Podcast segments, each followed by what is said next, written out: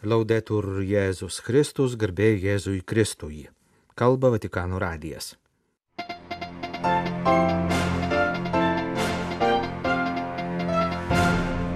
Sukako dešimt metų nuo pirmojo popiežiaus pranciškaus mokymo dokumento apaštališkojo paraginimo Evangelijai Gaudium paskelbimo.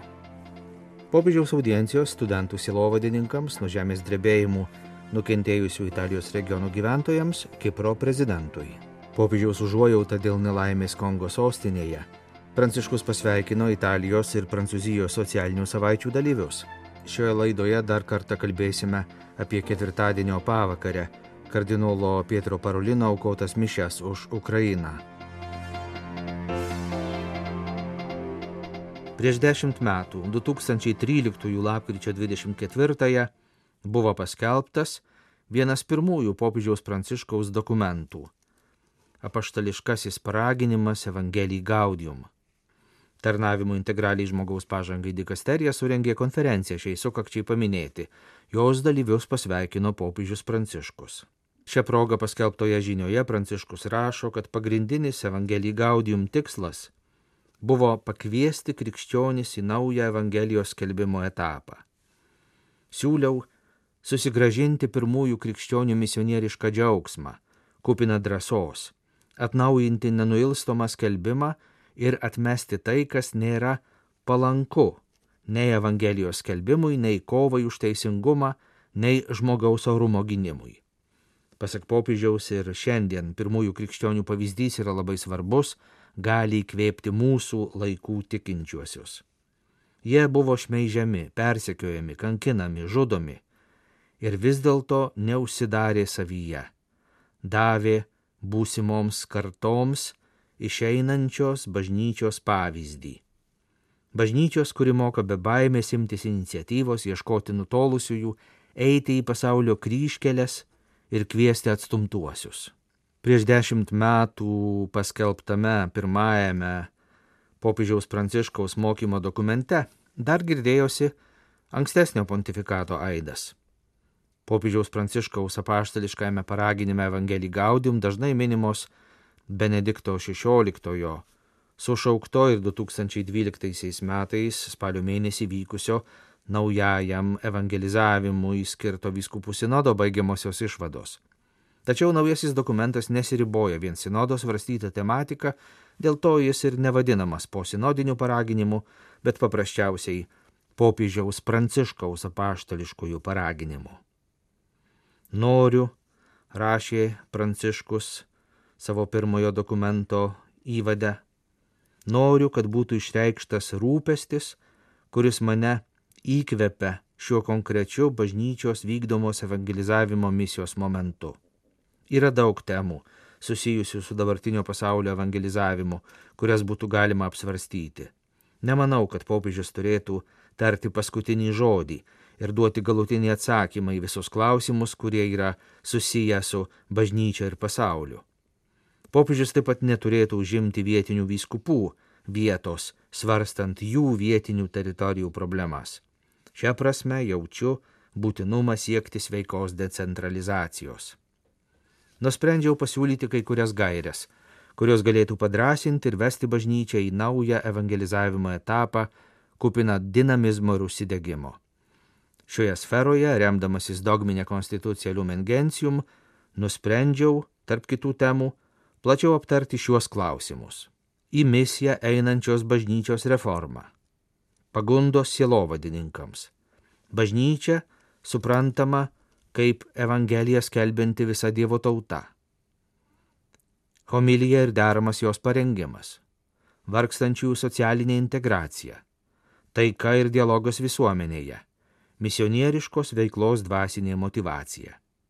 Taip pats popiežius pristatė savo magisteriumo pirmąjį dokumentą, paskelbtą prieš dešimt metų. Penktadienį, lapkričio 24 dieną, popiežius Pranciškus prieėmė akademinėje sielovadoje tarnaujančius kunigus, dalyvavusius kultūros ir ugdymo dikasterijos organizuotame susitikime. Akademinę sielovadą Pranciškus palygino su daugia breunė geometrinė figūra. Daugia breunis simbolizuoja sudėtingumą, įvairovę, Pranciškus prašė studentų sielovadininkų savo tarnystėje laikytis trijų nuostatų. Apprezzare le differenze, accompagnare con cura e agire con coraggio. Vertinti skirtumus, rūpestingai palydėti ir drąsiai veikti. Visų pirma, reikia priimti skirtumus. Jaunimo sielovadoje bendrai, taip pat ir studijuojančio jaunimo sielovadoje, neišvengiamai tenka susidurti su šviesuliais ir šešėliais.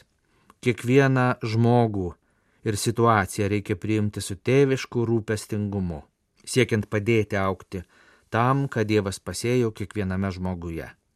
Kiekvieną žmogų reikia priimti tokį, koks jis yra. Nuo to turi prasidėti dialogas ir bendra kelionė. Taip pat reikia rūpestingo palydėjimo. Popiežius įspėjo, kad ir bažnyčios narių neaplenkia pagunda viską suvienodinti, neatsižvelgti į niuansus.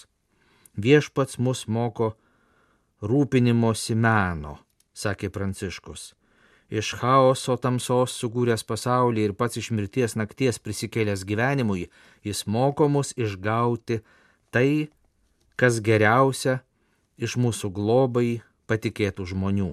Bendraudami su žmonėmis, kultūromis, situacijomis, jausmais ir mintimis, kurios tokios skirtingos ir kartais problemiškos, nenusiminkite, kalbėjo popiežius, rūpinkitės, nesiekdami greitų rezultatų, bet turėdami tvirtą viltį. Pasak popiežiaus, Evangelijos džiaugsmo puoselėjimas universiteto aplinkoje yra jaudinantis darbas, bet ir reikalaujantis daug jėgų ir drąsos. Būtent drąsa leidžia tiesti tiltus net ir per giliausias bedugnes. Popiežius prašė kapelionų ugdyti ir savo pačių pasitikėjimą tais, kurie yra patikėti jų sielovadiniai globai. Popiežius Pranciškus penktadienio audiencijoje centrinės Italijos gyventojams užtikrino savo artumą praėjus septyneriems metams nuo žemės drebėjimų, nuo kurių tragiškų pasiekmių tebekenčia daug nuniokoto regiono žmonių. Popiežius kalbėjo apie 2016-2017 metų stichijos paliktas fizinės ir moralinės žaizdas, akimirksniu sugriauta visą, ką kūrė daugelis kartų. Ir apie regiono gyventojų paliudytą bendradarbiavimo dvasę vykdant socialinio ekonominio atsikūrimo programą. Popiežius žemės drebėjimų nuniokoto regiono atstovams pasiūlė skirti dėmesį trims pamatiniams klausimams - darniam vystimuisi, gamtos apsaugai ir klimato kaitai. Popiežius prašė visuomet skirti pagrindinį dėmesį žmonėms, kurti bendro gyvenimo ir pagarbos aplinkai kultūrą, gyventi Dievo darbų sergėtojo pašaukimu. Pranciškus patikino, kad jis solidarus su sunkumus ir rūpeščius patiriančiais žmonėmis, artimas visiems, kurie kenčia dėl artimųjų netekties, drąsino ryštingai ir drąsiai įveikti kliūtis. Popiežius Pranciškus penktadienį audiencijoje priėmė Kipro prezidentą Nikosą Kristodulidesą vizito Vatikane proga su Kipro valstybės vadovu susitiko popiežiaus valstybės sekretorius Pietro Paraulinas ir valstybės sekretoriato prelatas Daniel Pačo. Santykių su valstybėmis ir tarptautinėmis organizacijomis daugia šalių santykių skyriaus pasekretorius. Pokalbiuose valstybės sekretorijate apžvelgti geri dvišaliai Šventojo sosto ir Kipro Respublikos santykiai kai kurie atviri klausimai susiję su bažnyčios ir valstybės santykiais ir Kipro vidaus gyvenimui opūs migrantų klausimai. Pokalbiuose pasidalyta nuomonėmis ir apie tarptautinę situaciją, dėmesį skiriant dabartiniams konfliktams, įskaitant konfliktą Izraelyje ir Palestinoje. Jūs klausotės Vatikano radio. Tęsėme programą. Lapkričio 21 dieną per Kongo kariuomenės rekrūtų verbavimo operaciją surinkta sostinės Brazavilio Mišel Dornano stadione žuvo 31 ir sužeista per 145 jaunuoliai, daugelio pastarųjų būklė sunki. Popiežius Pranciškus jo valstybės sekretoriaus telegramoje kardinolui Benvinu Manamika Kongo vyskupų konferencijos pirmininkui išsakė gilų skausmą dėl tragiško įvykio ir užtikrino savo dvasinį artumą žuvusių šeimoms ir artimiesiems.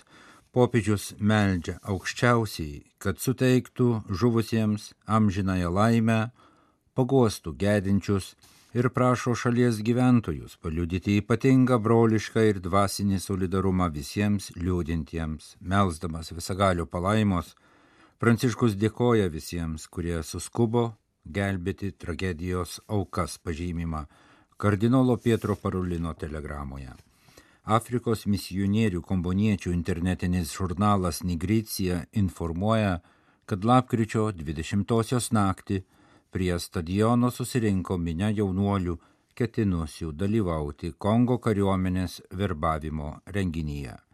Vyriausybė paskelbė konkursą ginkluotose pajėgose įdarbinti 1500 jaunuolių nuo 18 iki 25 metų amžiaus įdarbinimo kariuomenėje galimybė suviliojo tūkstančius chroniško darbo trūkumos legiamų jaunuolių Konkurso išvakarėse jaunuoliai susirinko prie stadiono tikėdamiesi būti pirmais iš ryto užpildyti įstojimo į armiją anketą. Tam tikrų momentų minė bandė įsiveršti į stadioną, sukeldama spūsti, kurioje daug jaunų žmonių buvo sutrypti. Tragedijos aplinkybės tyriamos, vyriausybė atšaukė verbavimo operaciją kaip elgtis įvairiose situacijose, veiklose ir aplinkose, kurios Evangelijoje nėra tiesiogiai arba išsamei minimos, bet labai svarbios krikščionių gyvenimui. Į šiuos klausimus atsako, gairias pateikia bažnyčios socialinė doktrina. Verono socialinės doktrinos festivalis šiemet narsto demokratijos, laisvų moralinių pasirinkimų, ugdymo, informacijos ir kitas temas. Lapkričio 24-26 dienomis vykstantį susibūrimą sveikino popiežius Pranciškus. Jo vardu kardinolas Pietro Parulinas sveikino panašią socialinę savaitę Prancūzijoje skirtą ekologijai. Sveikinime Veronos bažnyčios socialinės doktrinos festivaliui popiežius Pranciškus pasidalijo keliomis mintimis apie socialinius tinklus ir informaciją. Atsispirdamas nuo festivalio šūkio socialiai laisvi, kuriame A raidė yra sukeista su eta simboliu, naudojamu elektroninio pašto adresuose, tapusiu ko ne neatskiriama virtualios tikrovės dalimi. Eta simbolį primena popiežius Pranciškus mes paveldėjome iš praeities. Jis buvo naudojamas kaip įvairių matavimo vienetų arba skaičiavimo trumpinys, atspindinti santykius tarp asmenų, tarp asmens ir visuomenės ir šio laikinėme virtualiame kontekste šis simbolis dažnai nurodo pas ką arba arti ko. Tame jau galime matyti užuomeną apie tai, kokių virtualių tinklų trokštame, leidžiančių būti arti vienas kito ir sudaryti laisvų asmenų bendruomenę, o ne įkalinančių ar pavergiančių. Pati bažnyčia primena Pranciškus yra tinklas, kurio vienybė grindžiama kurio dalimi tampama neskubotais patiktukais, o pritarimu Amen, tiesai ir krikščioniškų kitų priimimu. Popiežius Pranciškus priminė Evangelijos pasakojimą apie Jėzų, aplink jį susibūrusią minę, kurią viešpats vėliau pamaitino, padaugindamas duoną ir žuvį. Atidžiai skaitydami pasakojimą pamatysime, jog evangelistoje už stebuklinį aspektą dar svarbiau tai, kaip ir kodėl viešpats taip padarė jam pagailo žmonių, jis ėmė juos mokyti įvairių dalykų. Šis epizodas pabrėžia, kad žmogų visų pirma maitina tiesa, nors gali būti sunku ją priimti. Jėzaus komunikacija yra pagrista meilė. Jis siūlo maistą dvasiai ir kūnui. Kitaip tariant, domisi visų žmogumi. Jam rūpi visa asmens tikrovė. Lapkričio 24-26 dienomis taip pat Lyono katalikų universitete vyksta 97-oji socialinė savaitė skirta skubių ekologinių pasirinkimų poreikiui. Prancūzijos socialinės savaitės yra formacijos ir diskusijų vietos, kuriuose vyksta krikščionių ir visuomenės dialogas. Popiežiaus vardu renginio Prancūzijoje dalyviams sveikinimą pasiuntė kardinolas Pietro Parulinas, artimiausias Pranciškaus bendradarbis. Nestabili, įtempta situacija pasaulyje bei pačioje Prancūzijoje rodo, kaip reikia socialinės antarvės ir brolybės. Taip pat galime geriau suprasti popiežiaus mokymą apie integralios ekologijos svarbą. Socialinės ir aplinkos krizės turi būti sprendžiamos kartu, jos negali būti atskirtos.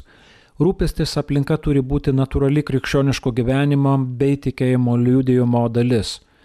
Pranciškus pabrėžia ir akimirkos svarbą. Ekologinio lūžio grėsmė visus geros valios žmonės verčia priimti esminius ir radikalius pasirinkimus. Tam skirta ir visai netrukus įvyksianti jo kelionė į Junktinių tautų organizacijos konferenciją apie klimatą COP28 Dubajuje. Ketvirtadienį lapkričio 23-ąją pavakarę Romos Šventojo Andrėjaus bazilikoje popiežiaus valstybės sekretorius kardinolas Pietro Parolinas aukojo mišes holodomoro genocido Ukrainoje aukoms atminti. 90 metų sukakties minėjimas buvo surinktas Ukrainos ambasados prie Šventojo Sosto iniciatyva. Susirinkome prie viešpaties altoriaus melstis už mylimą ukrainiečių tautą. Ypač meldžiamės už milijonus prieš 90 metų toje šalyje vykusio genocido vadinamo holodomorų aukų pradėjo mišių homilija kardinolas. Prie tos tragedijos atminimo prijungiame mūsų žmogišką ir krikščionišką užuojautą dėl nesuskaičiuojamos daugybės žmonių, kurie neteko gyvybių per tebesitęsiantį negailestingą karą prasidėjusį prieš 21 mėnesį.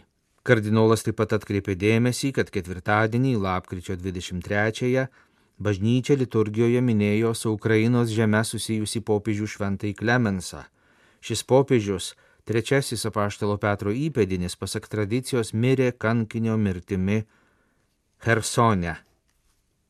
Paminėjęs jau beveik dviejus metus trunkančias ukrainiečių tautos kančias, kardinolas sakė, kad tokiomis aplinkybėmis visiškai suprantamai kyla rezignacijos ir nevilties pavojus. Išmėginamas pats tikėjimas, Tačiau iš tikrųjų Dievo visagalybė pasireiškia per tai, kad jis leidžia istorijoje reikštis žmogaus laisviai, net jei ji netitinka jo valios, net jei žmogaus veiksmai Dievo valiai prieštarauja. Tačiau Dievas tikrai atsimena žmonių kančias ir jis tikrai trokšta žmonijai taikos. Šiandien esame kviečiami tvirtai, protų ir širdimi laikytis šio tikrumo. Tikrumo, kad dieviškasis teisingumas smerkia blogį, o tuos, kurie eina tiesiu keliu, Dievas apdovanos išgelbėjimu. Tai leidžia mums išlaikyti tvirtą tikėjimą, būti stipriems kančioje ir atviriems iš Dievo ateinančiai taikos dovanai. Tie, kurie pasitikė Dievu, net ir sielvarto metu nepasiduoda keršto pagundai, tampa Dievo bendradarbiais, kuriant taiką, sakė kardinolas ir baigdamas homiliją patikėjo Dievo gailestingumui prieš 90 metų vykusio bado bei šių dienų karo aukas. Meldė taikos dovanos mūsų dienoms.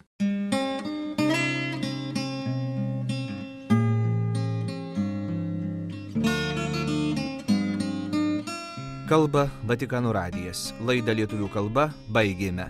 Garbėjai Jėzui Kristui, laudetur Jėzus Kristus.